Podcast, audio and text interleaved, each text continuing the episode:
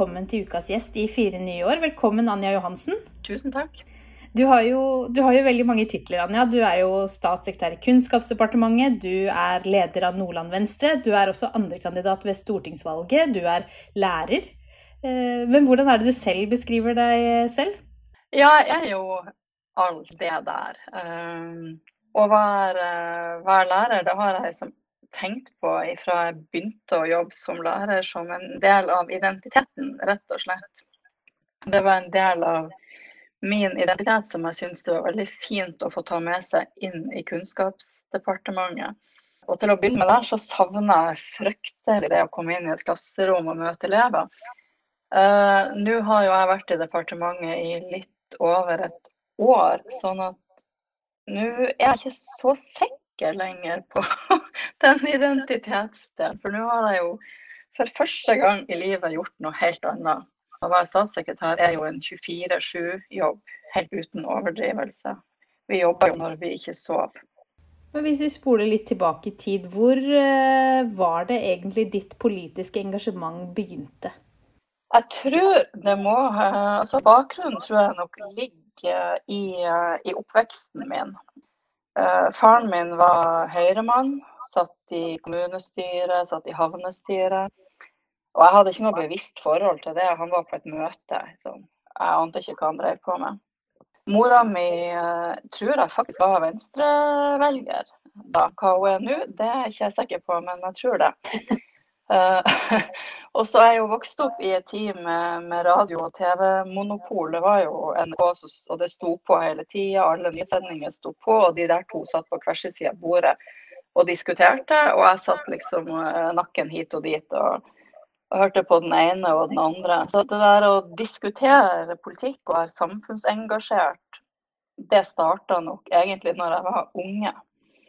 Uh, og mora mi som var engasjert i som lærer da, gjennom, gjennom uh, Utdanningsforbundet. Og, og, ja, opp, og, også veldig opptatt av samfunnsspørsmål, rettferdighet, likestilling. Så det starta nok da.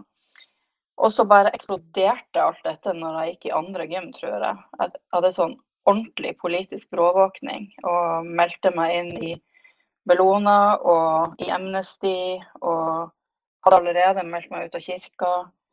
Uh, og ble, veldig, og ble, fast inventar fra da av i den lokale 8. mars-komiteen. og var en rasende ninjafeminist. Uh, heldigvis har jeg fått litt grann rundere kanter med årene. Jeg var ikke grei å ha med å gjøre da, altså. Så jeg tror, jeg tror det starta da Operasjon Dagsverk var jeg veldig opptatt av når jeg gikk på videregående. Så det har liksom egentlig alltid vært der. Men det startet tydeligvis som et veldig sånn brennende aktivistisk engasjement? Ja, det, det, det, var veldig personlig det der da jeg meldte meg inn i, eh, i Amnesty. Fordi at uh, Amnesty hadde en, uh, en, stor kampanje i jeg tror i aviser som handla om forfølgelse av homofile. Ikke i Norge, jeg tror det var om forfølgelse i Latin-Amerika. Men jeg var 17 år og jeg var veldig bevisst på at min eldre bror var homofil. Og det gikk opp for denne 17-åringen at han hadde antakeligvis hatt sin dose med dritt eh, pga. hvem han er. Eh, så det var faktisk den direkte årsaken til at jeg meldte meg inn. Eh, så var jeg passiv medlem, såkalt. da veldig lenge. Skrev de her brevene og sånn. Og så når jeg hadde studert og kom tilbake til, eh, til Lofoten, så lagde vi lokalgruppe og var kjempeaktiv eh, i mange år. Det, det, er selvfølgelig en veldig fin periode i livet å tenke tilbake på. Med de, eh, de aksjonene vi hadde og den gjengen vi, vi var. Og ja, samholdet og følelsen av å gjøre noe ordentlig meningsfullt som du får god karma av. For det, det, det, er jo ikke alt det er like lett å tenke at oh, nå fikk jeg skikkelig sånn karmapoeng uh, i politikken. Uh, og når du holder på med den formen for, uh, for aktivisme, så kan du være veldig utålmodig og håpe at du skal få resultat raskt. I hvert fall kan du bare gønne på med aktivismen din. Men som politiker så lærer du deg jo utrolig fort at uh, politikk er det muliges kunst uh, ofte, men dæven, det tar lang tid, altså. altså. Det er sånn skritt for skritt hele tida, og det er vanskelig for en sånn kamikazeflyger som meg å ta inn over seg. Men du valgte å gå inn i et politisk parti på et eller annet tidspunkt og, og tenkte at det var der det politiske engasjementet skulle få jobbe videre. Hvorfor eh, valgte du å gå inn i partipolitikken, og ikke minst hvorfor valgte du akkurat Venstre? Ja, jeg har alltid vært uh, venstrevelger. Det det var, valg det året jeg fikk stemmerett. Uh, og det, det, året i Nordland så var det halvparten av førstegangsvelgerne som benytta seg av stemmeretten sin, og jeg var en av, denne, en av de to.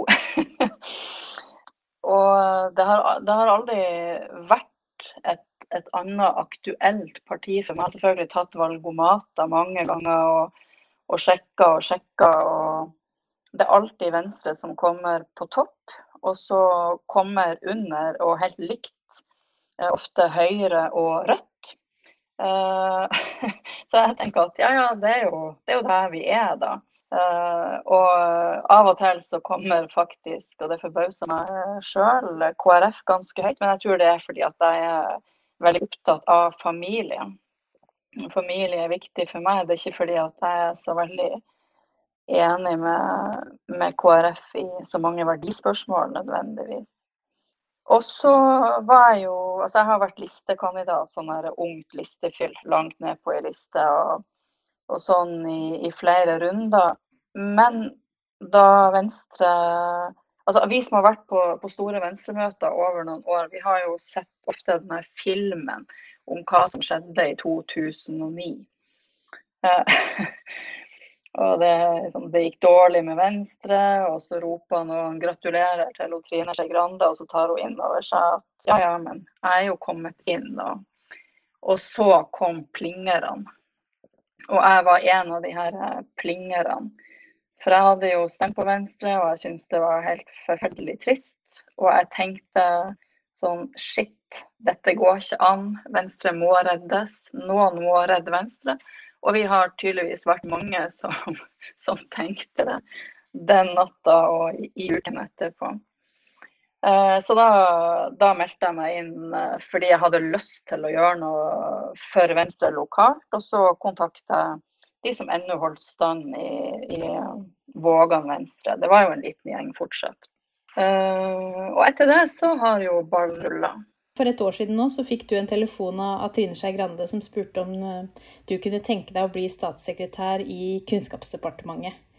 Hva er det du husker fra den samtalen og fra den, uh, fra den uka der?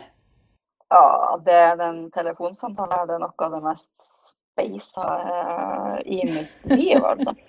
Da, da var jeg på, på, det som skulle være en avslappende helgetur med mannen min i, i Tromsø. Han er musiker, han skulle på øvelser, og, og bandet skulle ha konsert, og jeg skulle bare være med.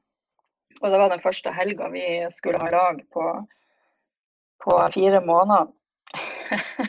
og så satt vi på Globus kafé og hadde akkurat fått maten min på bordet. Og så kommer det en SMS fra Trine som ber meg om å pelle meg til å svare på telefonen neste gang hun ringer meg. Og jeg hadde jo fått et par oppringinger fra et skjult nummer i løpet av dagen. Men jeg holder ikke på med sånn, for det er det bare useriøse mennesker som driver og ringer fra skjulte nummer. Og de, ja, det er selgere. Men OK, så svarte jeg, og så, så var det hun Trine som um, spurte om jeg vil du bli statssekretæren min. Ja, og jeg er jo ikke vanligvis skåren for tungebåndet, men da ble jeg bare sånn, sånn Hva sier du for noe? Jeg klarte ikke å få fram et, et eneste fornuftig ord, mens at mannen min var veldig sånn Ja, ja, ja, du må si ja. Livets mulighet. Og, og denne sjansen skal du ikke la gå ifra deg.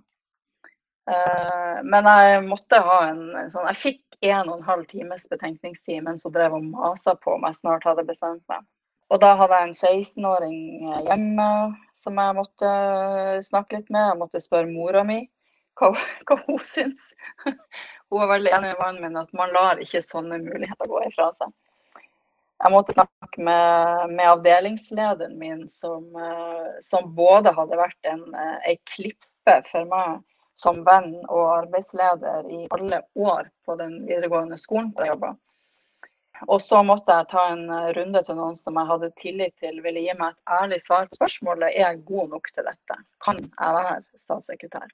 Liksom uten å dumme ut meg sjøl og uten å gjøre skam på, på Venstre. Uh, og etter det så, så følte det noe som rett og slett var sånn ut, utafor kroppen-tilværelse i, i, mange dager. For da var det jo bare å pelle seg på et fly til, til Oslo, og, og, så var neste stopp Slottsplassen. Uh, og jeg var egentlig på sånn avslappende helgetur og hadde bare turklær. Og alle så liksom ut som at de visste hva de drev på med. Og jeg følte meg bare så sinnssykt bortkommen og, og hjelpeløs uh, oppi det der uh, alle journalistene og ja, altså Samtidig som det jo var helt utrolig stort. Det var det jo. Men jeg følte meg veldig lenge som ei kork på, på opprørt hav. Eh, og sa det til hun Trine, som heldigvis hadde gjort dette før. Og sa at uh, den følelsen kjente hun igjen. Uh, la det gå en, en, måned eller to, så går det seg til. Og det er jo ganske lenge å føle seg som en kork på opprørt hav, men hun, hun fikk jo rett. da det, det gikk seg til sånn, eh, sånn, etter hvert. Det var en katastrofal start for første jobbdag. Jeg, så, jeg, var så fortvilt ved tanken på at jeg skulle forsove meg på denne viktige jobben. At jeg tok ei pille for å få sove. For det skulle jeg jo aldri ha gjort. Jeg kom meg ikke opp, og når jeg liksom kom meg opp med et rykk, så slo jeg hodet og besvimte. Og ja, det var helt krise. jeg kom for seint med kul i hodet på første dag. Men eh, det har, har gått seg til. Så, så overfor hun, eh, hun, Trine som ringte og, eh, og, ga meg dette jobbtilbudet, så er jeg selvfølgelig utrolig takknemlig. Det er jo altså å bli sett på den, den måten der, og jeg tenker at da, da, har jeg noen faglige kvaliteter, og antakeligvis en form for bein i nesen, som hun har sett. Eh, så jeg er veldig, veldig eh, takknemlig for å ha fått den muligheten, og for at hun, Guri lot meg fortsette hun overtok i departementet. Jeg hadde jo en uh, over ja, noen ganger vært uh, en av de som hadde kritisert regjeringa før Frp gikk ut. Og kritisert egen uh, partiledelse for at de nordlige delene av landet ikke var godt nok representert i, i regjeringsapparatet. Og jeg hadde ei, på blokka mi hadde ei liste med navn som, som jeg spilte inn, og, og ja, syntes at flere burde få vise kompetansen gjennom om å skulle ta hele landet i bruk.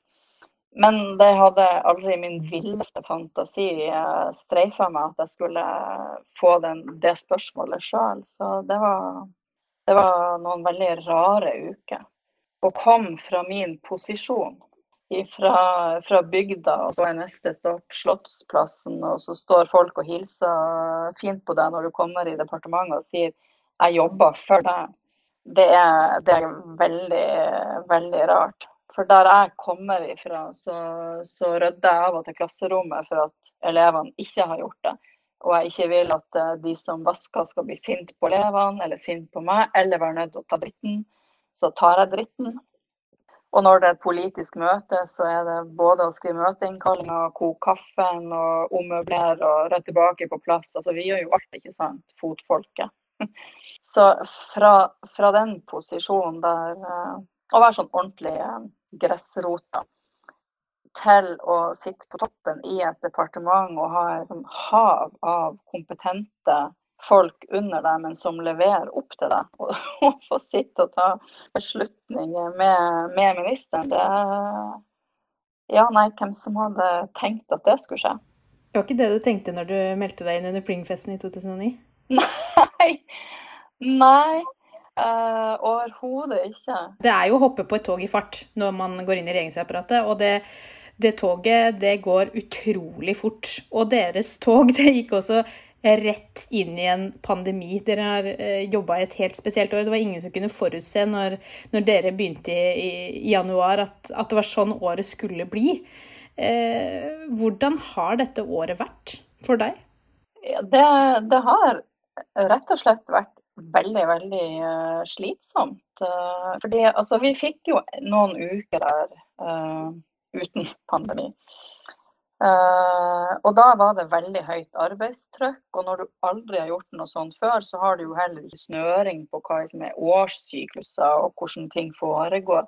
Så, så vi var jo, i alle fall hva er det, i en voldsomt bratt læringskurve allerede. Og så hadde jo vi eh, bytte av minister. Oppå oss lå, lå spørsmålet om sånn, når får vi ha eh, landsmøte, og hva skjer med, med, partiledelse i Venstre. Og så har vi håndtert eh, pandemien ved siden av. Og det har vært veldig, veldig arbeidskrevende. Det, det må jeg bare si. Er, vi har ikke fri. Uh, så det, det, er på ingen måte sånn glamorøst uh, eliteliv. Det, det, er det ikke.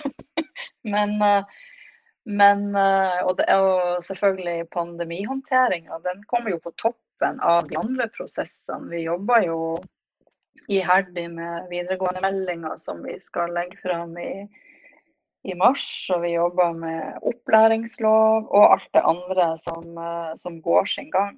Som jeg, jeg, sa litt tidligere her, så følte jeg meg ganske bortkommen den første perioden. Men så ble det jo fra mange hold, eh, helt fra starten av, påpeka at, at, jeg virkelig kom rett fra liksom, kateteret eh, og til statssekretærkontoret.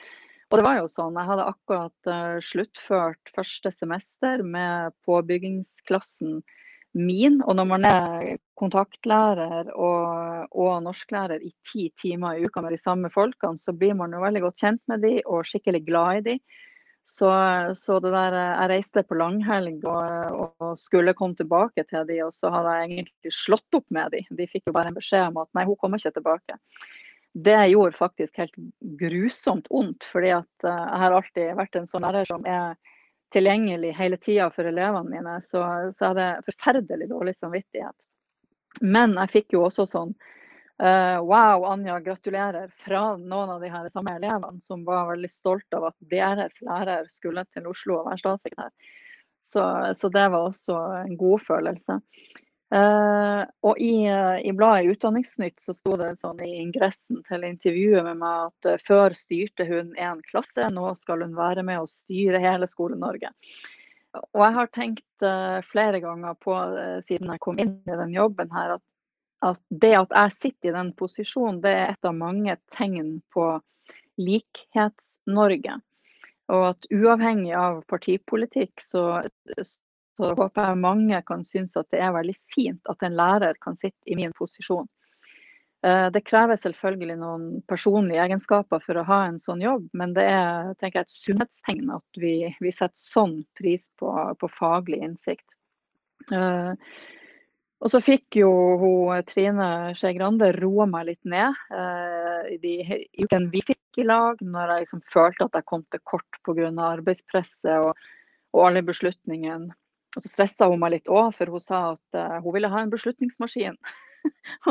og OK, det er det du vil ha. uh, og så ble jo hun Guri uh, sjefen min, og hun, hun, ga meg noe som Litt sånn usikker på om det var, var, et kompliment, men jeg har valgt å ta det som et kompliment, for hun ga meg også en trygghet med det hun sa.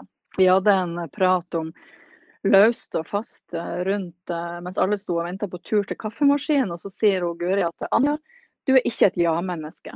Og det kan jo høres litt dodgy ut, men det hun eh, mente, det var at jeg sier det jeg, det jeg mener, uten at jeg vurderer hva hun som er sjefen min, syns om mine meninger. Så det tar jeg som et kompliment. Eh, og hun Guri er jo et skolemenneske sjøl. Så det er, gull for meg som kommer med alle de årene med, med erfaring fra ulike nivåer i skolen. Uh, og få lov å jobbe, altså ha den ballasten, den faglige ballasten med meg, og, og, være en del av ledelsen i, i Skole-Norge, sammen med noen som også er et uh, skolemenneske. Og du har jo da tatt både den reisen fra rett fra klasserommet til statssekretærkontoret, men da har du jo også samtidig tatt den reisen fra å være grasrot i et parti og være aktivist til å sitte som statssekretær, som jo også er den rollen hvor du på en måte må være litt partypooperen. Du må være den som kommer med dårlige nyheter, du må svare for veldig mye. Og du må være den som Alle de organisasjonene du tidligere har vært medlem av og jobba for, det er jo de du møter nå og skal svare for, og kanskje si at nei, dette får vi ikke til, eller dette kommer litt senere enn planlagt. Og være den som kommer med kompromissene og dilemmaene og hvordan har det vært for eh, dette aktivistsjelen i deg? Det må jo være frustrerende noen ganger? Ja, ja det er det. det.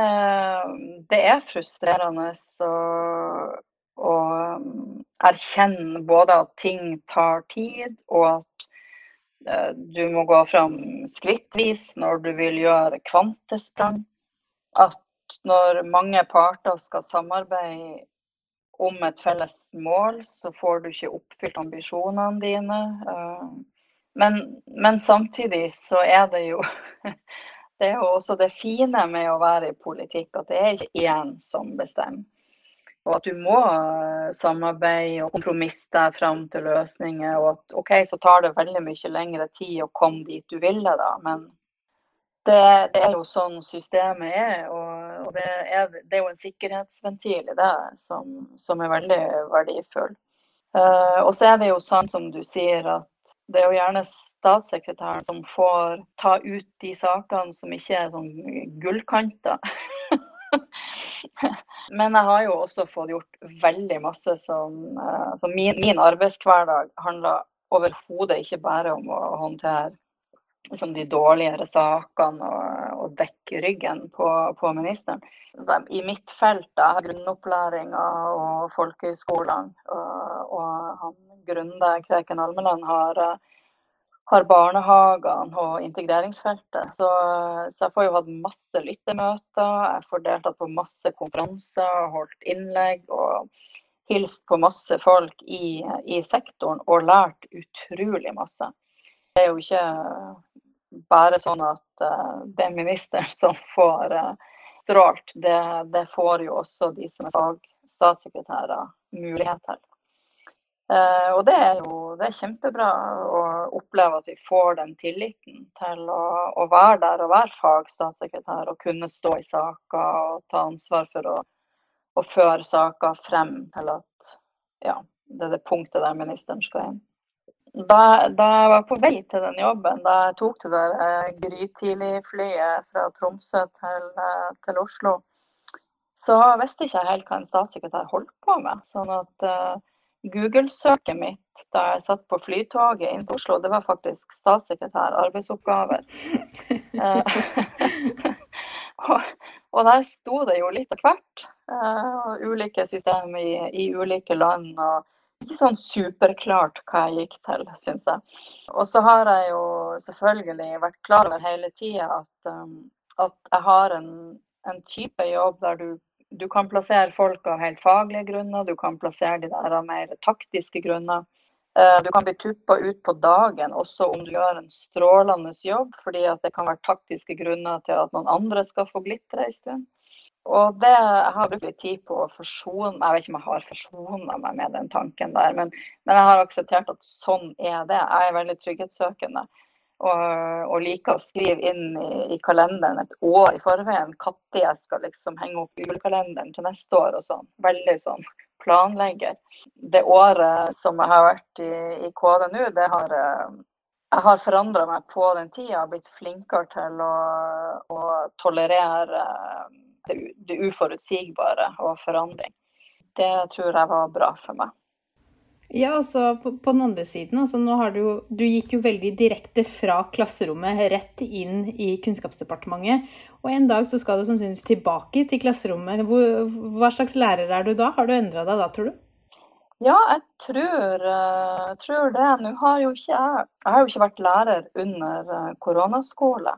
Men jeg har tenkt veldig masse på. Jeg har møtt mange lærere og møtt uh, representantene for uh, lærerorganisasjonene og elevorganisasjonen i veldig, veldig mange møter. Jeg har tenkt så mye på hvordan jeg vil ha takla om jeg hadde takla det, liksom, hvor bra hadde jeg takla det, hvor mye, hvordan hadde min eh, speedlæring av å bruke tekniske verktøy måtte ha blitt for å kunne håndtere det og fungere godt som lærer eh, under omstendighetene sånn som de er nå. Det er helt sikkert masse fra denne perioden som, eh, som lærerne kommer til å ta med seg videre. Det ene er jo at vi har fått en boost på på teknisk kompetanse. Det andre er at vi har lært oss å gjøre ting som vi ikke kommer til å legge bort et, etter korona heller. Så jeg har tenkt mye på hvordan det vil være å gå tilbake til et klasserom. Men jeg har også uh, møtt så mange og hørt så mange sider ved det å være lærer og lære for ulike elever. Uh, som har uh, på en måte utvida hodet mitt. At jeg har ikke fått vært inne i den der norsklærer, tysklærer og kontaktlærer-bobla for akkurat mitt trinn. Og så har jeg jo jobba med, med, opplæringslov og tett påmelding og videregående melding og lært om så mange ja, utfordringer som må løses, ting som vi må gjøre bedre for å imøtekomme ulike elevgrupper sine behov bedre, at flere skal mestre bedre, få mer fullføring, at flere skal tettere oppfølging og tidligere. Jeg tar jo med meg noe som jeg tror eh, gjør meg mer kompetent. Og idealisten i deg nå etter eh, et år eh, og sannsynligvis litt mer da, i, i et departement, hvordan hvordan har idealisten i deg det? Aktivisten i deg? Føler du at det nytter? Ja, altså jeg, Når vi jobber med, med f.eks. opplæringslov, når vi jobber med videregående meldinger, så kjenner jeg jo at det røkker den der aktivistnerven inni meg. For det, det, er jo ofte sånn verdispørsmål vi holder på med. Og så, så er det jo heldigvis sånn at du får ikke vært helt inne i den, uh, den bobla hele tida. Det er jo det jeg gjør i, på jobb. Men, uh, men, som del av et fylkeslag, så er det jo også andre ting å, å være opptatt av. Uh, og aktivisten i meg får jo, får jo utløp på politiske felt som uh, kanskje ikke det, det, store flertallet har det samme glødende engasjement for, men jeg har jo bevart mitt engasjement uh, mot uh, omskjæring av gutter på ikke-medisinsk grunnlag. Sånn at den der aktivistnerven, den er jo for så vidt like sterk, da. Men jeg får ikke, jeg får ikke brukt den så mye på jobb, for det, det, er, ikke, det er bare ikke sånn det funker. Men hva er det vil du si er de største ulikhetene og likhetene mellom det å jobbe med, eller få utløp da, for eh, sitt politiske engasjement i en organisasjon, eh, og det å jobbe innenfor et politisk parti? Ja, så når jeg gikk inn eh, Jeg meldte meg jo inn som en av, av plingerne. Og, og, og, da var det jo oljeboring utenfor Lofoten og Senja som var den saken som var, var viktigst for meg. Og i den saken så har jeg jo kunnet vært uh, aksjonist mange ganger, som stilte i debatt og hadde der aksjonist... uh, med. Men når du, når du, skal manøvrere deg gjennom og skal få med deg masse Nå er ikke den saken kontroversiell i Venstre, da, sånn at, men om det nå hadde vært en mer kontroversiell sak i, i, i Venstre, så, så må du jo bygge veldig stein på stein.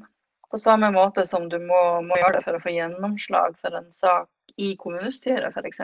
Så, så må du kanskje gjennom et parti få, få hele partiet med deg. Og så må du jo manøvrere i samarbeid med andre partier. Det er jo det som er, er den store forskjellen. Men, men, jeg har jo også erfart um, i, i, innad i Amnesty. Så det er jo mange ting som hele organisasjonen er kjempeenige om.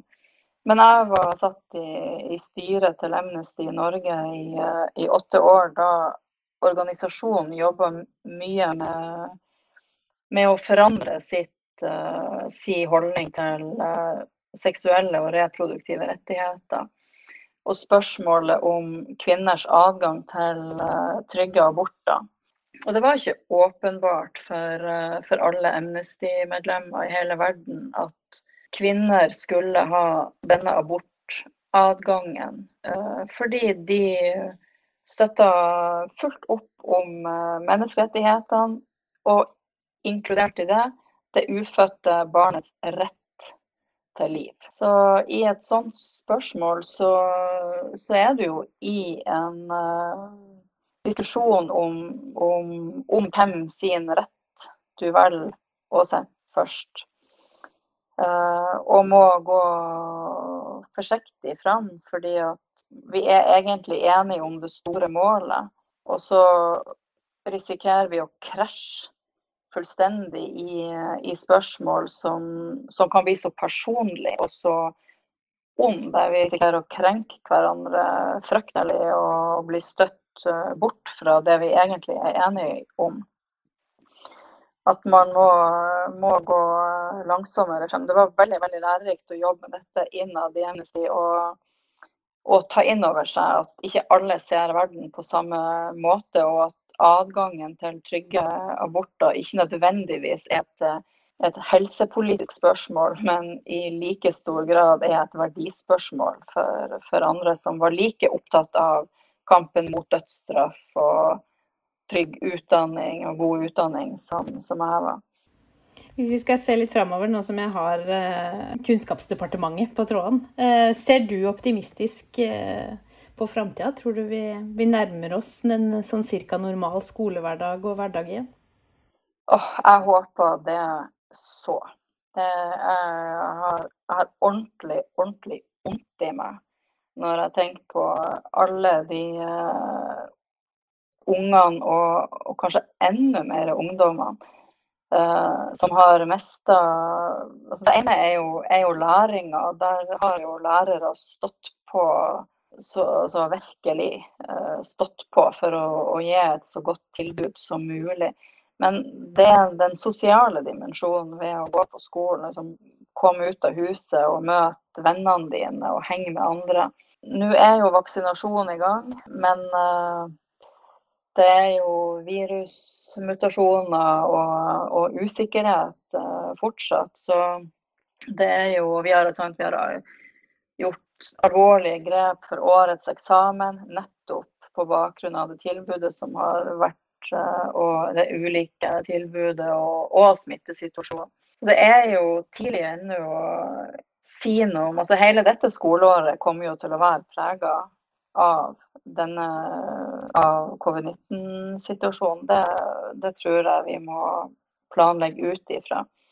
Og om vi kan gå inn i, i skoleåret som starta i august på mer normalt vis, det, det håper jeg inderlig at vi kan. Jeg håper studentene får komme tilbake på campus. Jeg håper treningssentrene blir åpne snart, sånn at folk får beveget seg og, og, gjort de tingene som de trives med å gjøre. Men uh, det vi vet etter, etter mars i fjor, da, da, vi stengte, det er jo at altså, du vet ikke hva morgendagen uh, bringer. Det er jo litt av en lærdom. Så det, vi, det eneste vi kan si at vi, vi vet en del om nå, det er mer om hva må vi gjøre i en sånn situasjon. Det har vi i hvert fall lært en del om. Hvis du skulle gitt ett råd til noen som skal stille til valg for aller første gang, hva skulle det vært? Jeg tenker at det aller viktigste det er at du må ha et nettverk rundt deg.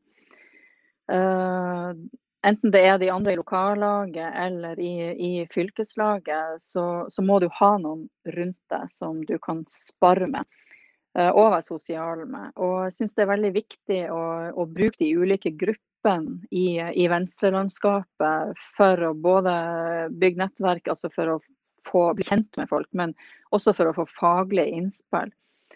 Uh, eh, Sjøl har jeg veldig fine erfaringer fra, fra, mine år som kommunestyrerepresentant, og også når vi har spilt inn på fylke, fylkestingssaker, at, at, jeg har kunnet spurt i, i den store, mangslungne gruppa som heter Venstremedlemmer.